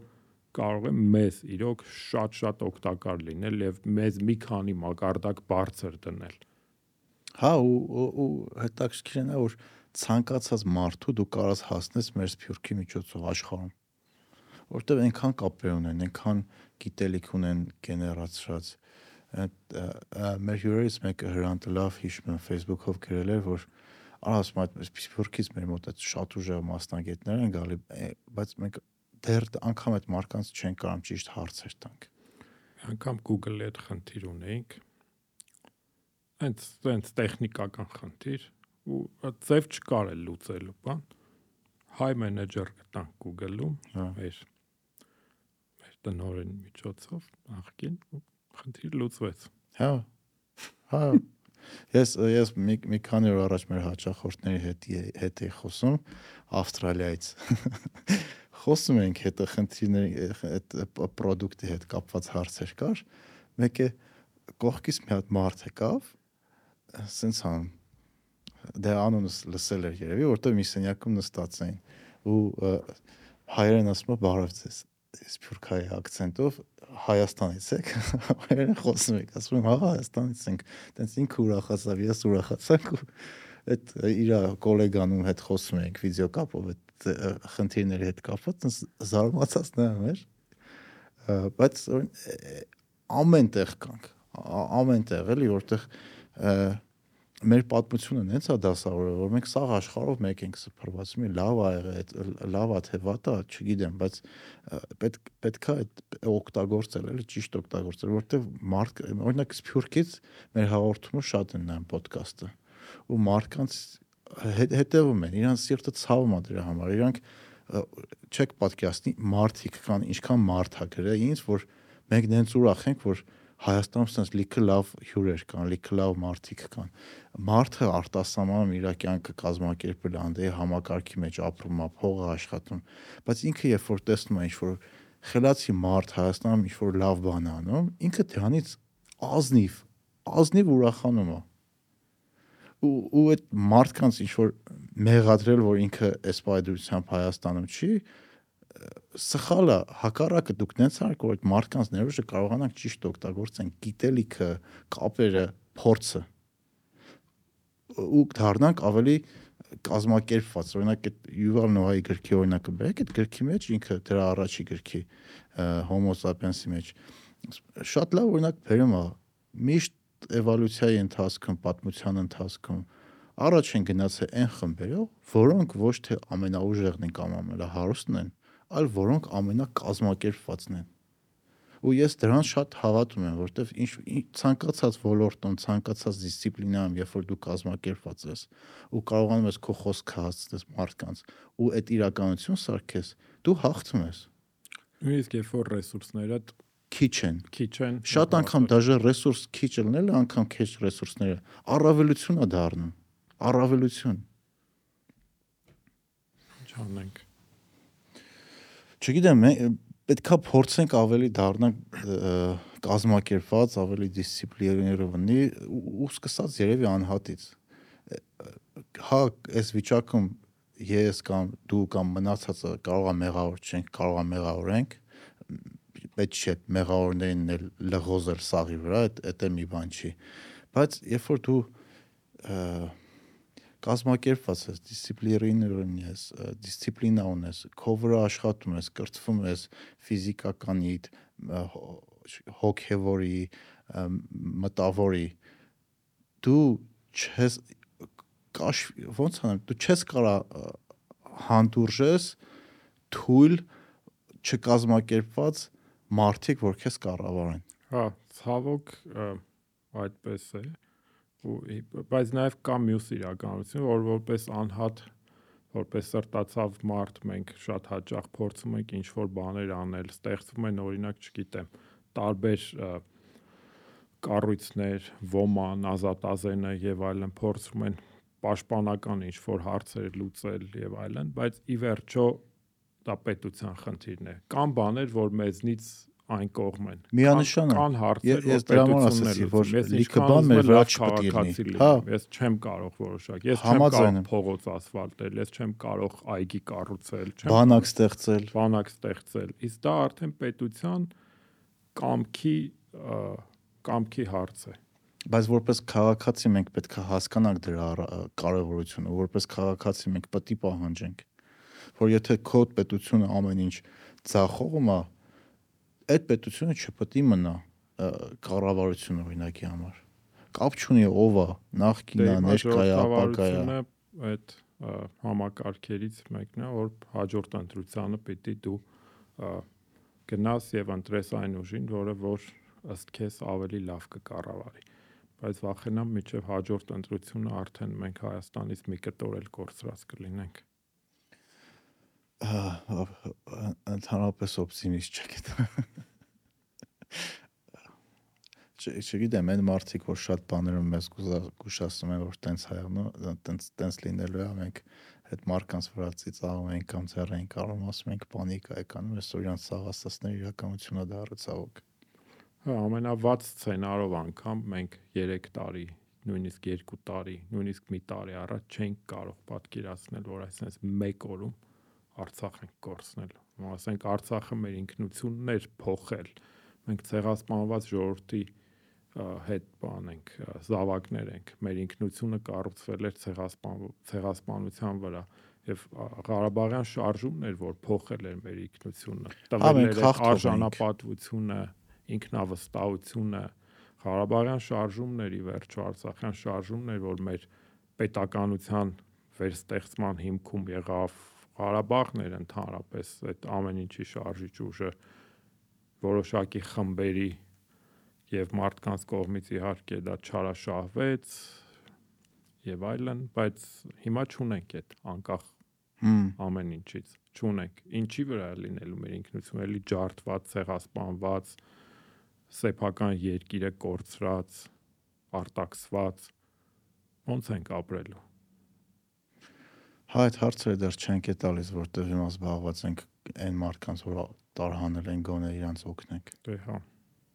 բայց արդեն պետք է սկսենք այդ հարցերը մեզ տանք որ մարդկանց էլ պիտի արժանապատիվ կարողանանք այստեղ տեղավորել որ 90-ականների նման ոնց Բաքվի շորթի նման չթողնեն գնա Ռուսաստան հա բայց մարդիկ կան արդեն գնում են պիտի անենք ամեն ինչ որ մեծ մասը մնա որովհետև այսօր Երևանում երևի Մենակ Երևանը չէ։ Ամբողջ Հայաստանում շատ դժվար է դառը տուն գտնելը։ Հակ մարդիկ կան ընդհանրապես եթե իմանում են Արցախից, կարող է տունը չտանը։ Օրինակ ռուսայի թիշնիկին պատրաստ են տան, բայց Արցախում պատրաստ չեն տան։ Ու ինձ օրինակ այդ հարցը տանջում օրինակ մենք ոնց ենք հասել նրան, որ հասարակությունը նենց ենք բևեռացրել, որ մի մասը այսօր իրանց վերջի հակոստը պատրաստ են տան, որ այդ մարտիկ չմրսեն, իսկ մյուս մասը, չգիտեմ, 10 հատ տուն ունի, բայց Արցախում վարձով չի տա։ Ես հույս ունեմ, որ ամեն դեպքում այդ 10 հատ տուն ունեցողները շատ փոքր, փոքր փոքրամասնություն են։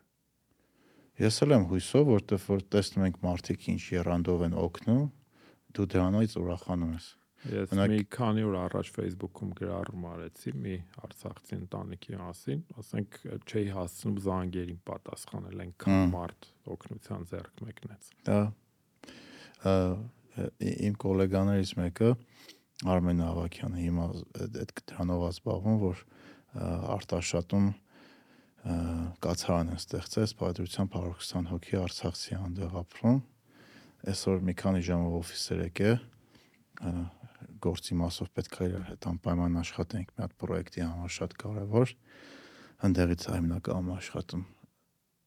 որ դեմքը վառվել էր, նիհարել էր, հյութված տեսք ուներ, որ մեր մարդը մի քանի օր չի քնե։ Այսինքն այսօր ինքը իր ընտանիք կին երեխեքին թողելա, առավոտի ծրիգուն զբաղված է այդ մարդկանց օգնելով։ Էդ է կա ու ու պետք է դրա մասին է խոսանք։ Դա էլ ցույց տանք, որտեղ այսօր շատերն են որ ամեն շամ իրանց ուշք ու միտքը այդ մարդկանց օգնելն է ու ախր այդ նաև ցույց է տալի որ մեր հասարակությունը կամ ընդհանրապես ցանկացած սոցիում ինքը մի խումբ չէ, էլի տարբեր խմբեր են տարբեր արժե համակարգով ու այդ միասնության միֆն էլ է միֆ Էդ էլ է միֆ էլի պետք չի որ հասարակությունը միասնական լինի հասարակությունը շատ բազմաշերտ երևույթ է բայց ամեն դեպքում ազգային հարցերի շուրջ մարդ չի կարող այդ իմունիտետը չունենալ, որտեվ ազգային հարցերում ցախողումը ի վերջո բոլորից ցախողումն է դառնալու։ Բայց ոնց ոնց կարանք դրան հասնենք։ Օրինակ Արցախը մեր ինքնության մի մասն է, չէ՞։ ու դեռ մնում է բայց մի մեծ հատվածի համար դա դա տենց չէր Մենք ստեղծենք կոմպետենտ պետություն։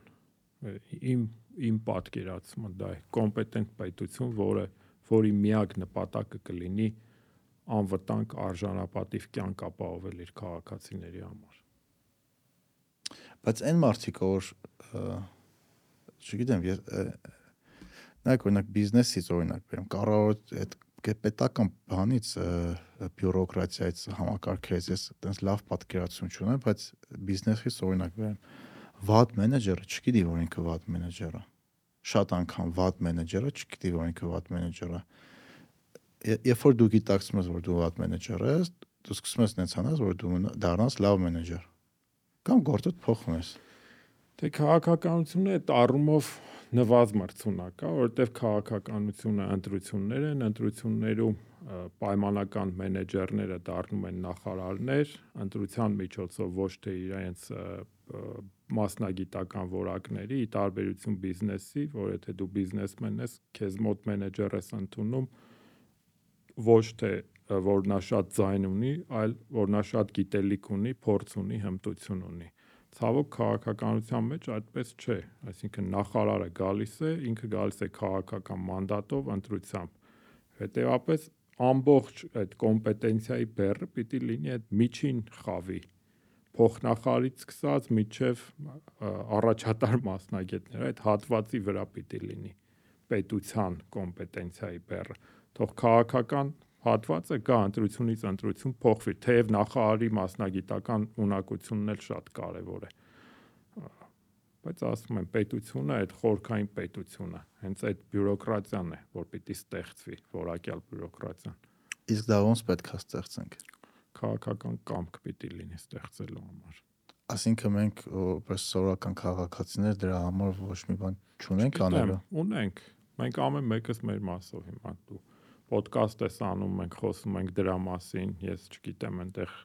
լրատվությամբ եմ զբաղվում այդ հարցերը բարձրացնում եմ, մի ուրիշը փորձում է իր ա- ամենօրյա առնչության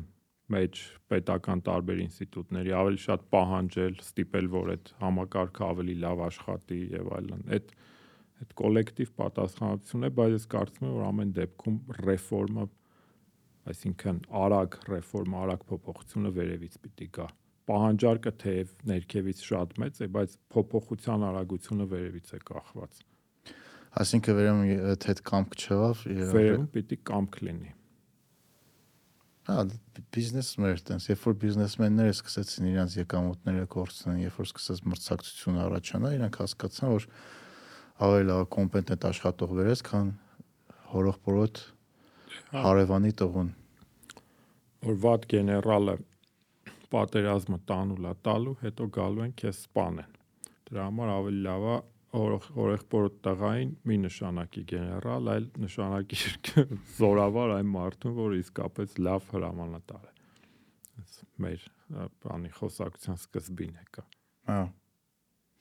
Ընտանիքի դեմ։ Այո։ Բայց այդ հետաքրքիր ֆենոմեն է, օրինակ այն երկրները, որտեղ պետությունը ուժեղ է, ընտանիքն ու հոգր համայնքները ավելի թույլ են։ Այդ է իր խնդիրները նա վերում իր հետ։ Ծնելության անկում, մարդու անհատի միայնակ լինելու հավանականության բարձրացում, Այդ ծնելիության անկումը հիմա բոլոր ուրբանիզացված հասարակություններում է եւ ա, ՄԱԿ-ի բնակչության հիմնադրամի կանխատեսմամբ 2050-ին աշխարհի բնակչությունը կանգ է առնելու բնակչության աճը կանգ է առնում ու սկսում է նվազում այդտեղ էլ ռիսկերը կան քանի որ ուրբանիզացվում է հասարակությունը կյանքի կենսաձևն է փոխվում հիմնականում շատ երեխաներ ունենում են գյուղական միջավայրում եւ այլն ուրբանիզացիա դա փոխվում է բայց մի գլխավոր խնդիր որ առաջանում է դրանից այն է որ չնայած շատ խնդիրներ են առաջանում բայց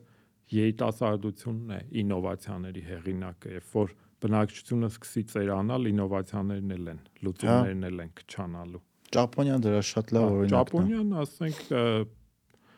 2050-ին բնակչությունը կրճատվելու է այս ներկայիս 110 քանի միլիոնից 80 միլիոնի։ եւ այնտեղ շատ լուրջ խնդիր ունեն ու այսօր միգրացիայի եթե տրենդներին ես նայում, օրինակ միգրացիան Եվրոպայում թեև լուրջ խնդրեմ է ներգաղթը, բայց մյուս կողմից այդ Եվրոպայի ամենամեծ առավելություններից մեկն է այդ Հա։ իրենց մարդուժը համալրելու բնիկ երկրների բնիկ բնակչությունների ցածր ծնելիության հաշվին ծնելիության պայմաններում նույնը միացյալ նահանգներում Ճապոնիան քանի որ շատ փակ եւ մոնոէթնիկ երկիր իրենք այդ հնարավորությունը չունեն լրացնելու իրենց դեմոգրաֆիկ ռեսուրսը հա, այլ այլ հանրույթների հաշվին եւ վերջերս ես տենց մի բանի դիսկուսիայի մեջ էի որ Հայաստանում էլ մենք պիտի շատ թեթև նայենք օտարազգիների գալուն օրինակ այսքան որ հնդիկներ են գալիս եւ այլ մենք ոչ թե պիտի նրանց ը, վատ տրամադրվենք նրանց նկատմամբ Հա։ եւ այլն այլ պիտի հասկանանք թե այս մարդկանց ինչպես ինտեգրենք մեր հասարակության մեջ իրականում շատ լավ է որ գալիս են Բայց օրինակ հա, կարող է ինչ-որ side effect-ներ ունենան, կողմնակի էֆեկտներ, բայց մեծ հաշվով նվազող մենք ծնելիության, ասենք, կարծեմ 1.6 գործակից ունենք, թե 1.7, այն դեպքում, երբ որ բնական երկուսը վերարտա ցածր է, հա, բնական վերարտադրության համար 2 2 պլյուս պետք է լինի, հա։ Մենք չունենք, հետեւապես ինչ Փյուրքից գալու են շատ չեն գալու։ Ինչ պիտի անենք։ Պիտի լուծենք այդ խնդիրը այլ ձևերով։ Բնականաբար շատ-շատ խութեր կան այդտեղ, բայց պիտի ավելի բաց լինենք։ այդ Դե օրինակ Լոնդոնում արդեն բնիկ լոնդոնցիները բնակչության 30%-ն են։ Դե ես չեմ ուզի ճիշտն ասած, որ հայերը հայ Երևանում դառնան բնակչության 30%-ը։ Հմ։ Բայց մի հատ հետաքրքիր բան նկատեցի, որ ասեցի վրացի ինքերոջս հետ խոսում էի մի քանի օր առաջ, ինքը պատմում էր իր Վարշավայի մասին, որ հայ է, բայց ինքը գիտես ոնց ասեց, ասեց էթնիչսկի արմենին, գրուզին, էթնիչսկի արմենին, ասինքն իրան ընդունա որպես ինքը վրացի, բայց չգիտեմ, ազգությամբ էթ- էթնոսով հայ է։ Շատ նման էր ամերիկացիների Քաղաքական ազգ են իրենք ուրեմն։ Հա, ու բայց օրինակ մեր մոտ, չգիտեմ, տարբեր ազգերից կան, որ 100 տարուց ավել երևի ապրում են։ Բայց մենք իրան չենք ասում հայ, որը էթնիկական էթ, էթնոսը հույնա կամ հայ, որը Հա։ էթնոսը եզդի է օրինակի համար։ Մենք այդ այդ ընկալումը հլա դեռ մեր հասարակությունը չունեմ։ Հայը հայ է։ Չնայած ամեն դեպքում ես կարծում եմ որ վրացիները բավականին էլ շովինիստ են։ Համյանշանակ, բայց ը, արցինքը եթե խոսքի մեջ այդ արտահայտությունը կա, նշանակում է ինչ-որ մի ձև սկսելա փոփոխվի։ Մեր մոտ ես նման արտահայտություն երբեք չեմ լսել։ Որտեվ եթե հայ ես, էթնոսով է պետք է հայ լինես, օրինակ դու ես կյանքում ոչ մեկի չեմ լսել, օրինակ հայ, բայց ը, էթնոսով եզդի կամ հույն կամ չգիտեմ վրացի եզդիների դեպքում մենք իրենց որպես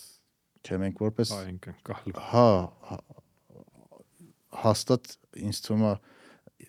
ոտնձգություն իրանց հանդեպ չկա ստեղ մենք շատ լավ սովորել ենք իրար հետ ապրենք բայց մեկը ասում են այս մարդը եզդիա կամ այս մարդը հույն է մենք չենք ասում ինքը հայ է Մեզ էլ ասում են լորեցի եք։ հա ես հա դա կա լորեցի ես ա, ղարաբաղցի ես էստեից ես ընդեից ես այսինքն մինչև այսօր մենք էլի փոքր խմբերի ենք բաժանում հասնում ենք մինչև այն ամենա փոքր ընտանիք որը ամենակարևորն է չգիտեմ Այս վերջերս չգիտեմ, ել ավելի շատ եմ ասում, քան առաջ։ Դե հա, ես գիտեմ, որ ես ոչինչ չգիտեմ։ Հա, ու ժամանակի հետ շատ արագ հասկանում ես, որ ամեն ինչ ինչքան կոմպլեքս է ու ինչքան ավելի բարդ է, քան դու երբևիցե պատկերացրել ես։ Օրինակ, ինչքան բաներ, նայ, օրինակ բանից խոստացինք, չէ, որ աճը կանգնել կանգնում է մարդկության, բայց 10 տարի առաջ բոլորը կանխատեսում են լավ մի քիչ ավելի շատ 80-ականներին բոլորը կանխատեսում են, որ այս աշխարհի վերջն է գալու, որտեղ ուտելիք չի երիքելու, մարդկությունը այնքան աճում, որ սովի ենք հայտնվելու։ Բայց չէ, տեխնոլոգիան ավելի աճեց, արագ։ Բանի է գիրքն է տակրիր Նիկոլաս Տալեբի Սև կարապը։ Այդ իմ Սև կարապի, որ ասում է, այս մեր կյանքում մեր կյանքը ավելի շատ կանխորոշված է այն գործոններով, որոնք որ կանխատեսված չեն, քան այն գործոնները, որոնք որ կանխատեսված են։ Հա։ Այդ սև կարապի բանը կա հաճախ այնպիսի բաներ են լինի փոփոխություններ, որ ոչ ոք կանխատեսած չի լինում։ Հա։ Հա։ Ու հիմա մարդիկ կանխատեսում են, որ ապագա մենք խնդիր ենք ունենալու, որ բավարար երիտասարդներ չենք ունենալու,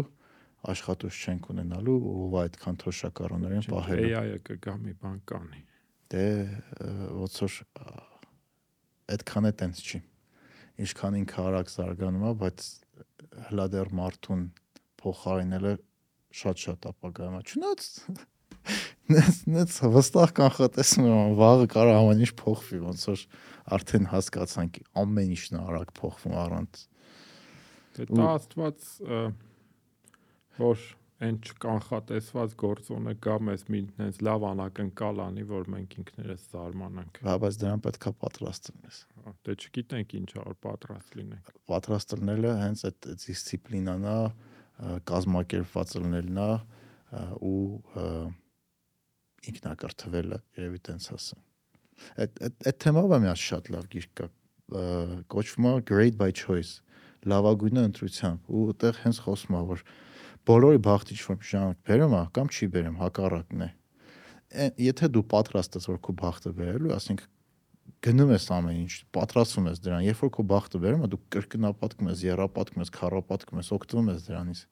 Երբ որ դու պատրաստ չես, տես կողքովդ անցնում գնում է։ Նույն ձև, երբ որ բախտը չի բերում։ Եթե դու պատրաստ ես, որ ես այն ինչ-որ վատ բան ալնելու, կարողանում ես այդ հաղթահարես։ Եթե չէ, այդ կարա քեզ տա բանանի, սպանի, նույն այդ սև կարապի մեջ էլ է թալեբլա ասում, ասում այնքան ռիսկի գնա, որ չմեռնես։ Իսկ մենք այդ խորհրդից լավ չենք օգտվում։ Էտա։ Դա։ Իսկ հասանք մեր ավանդական հարցին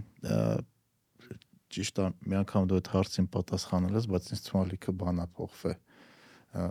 Ինչն է քեզ տիպում, շարունակես անես քո գործը, մնաս տեղ, փորձես ինչ որ մի բանով դրական փոփոխություն բերես։ Հույսը ինչի հանդեպ որ ամեն դեպքում լավ կլինի թեև հույսն էլ նվազում է մարում է։ Հմ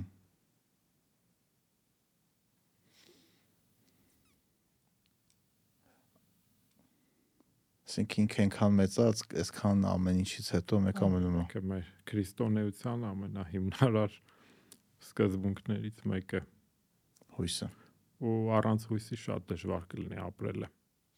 Պատկերացնենք, որ մենք հույս չունենք, ասենք։ Համաձայն եմ։ Չգիտեմ։ Էլ այդ բառը ասեցի։ Հա, չգիտենք։ Դժվար է, իրոք մի մի կտոր փոկել են հիմա դա պետք է փորձենք ինչ որ մի ձև լցնենք ոչ թե ատելությամբ այլ ինչ որ մի օգտակար բանով էլ որ մնացածն է չկորցնենք երևի չգիտեմ խելքի գան քանի դեռ շատ ուշ չի դե անընդհատ ասում ենք քանի ուշ չի ուշ չի ավելի է խորանում ավելի ենք քչանում ավելի ենք կորցնում բայց մեկը չենք գալի էլի Հուսով եմ կգանք։ Հա, հույսը։ Մերսի շատ Կարեն ջան։ Շնորհակալություն Նարեկ ջան։ Երկու լորեց ու դանդաղ խոսակցություններ։ Հա։ Ես վերջերս սկսել եմ արդեն մեր մոտ եղած մարքանց էլի կանչում ու հասկանում ես որ ոնց ճիշտ ձևակերպեմ այդ մարդիկ աճում են, փոխվում են։ Ու մի տարի առաջվա խոսացածդ ու հիմիկվանը լիքը բաներ համընկնում է, լիքը բաներ փոխվել է, մի քիչ մեծացել ենք, մի քիչ լրջացել ենք, մի քիչ, չգիտեմ, բայց նույնը չի հաստատ։ Նույնը չի։ Հուսանք այդ ամենը լավ բանի կբերի։ Սանք։ Լավ։ Come on. Thank you.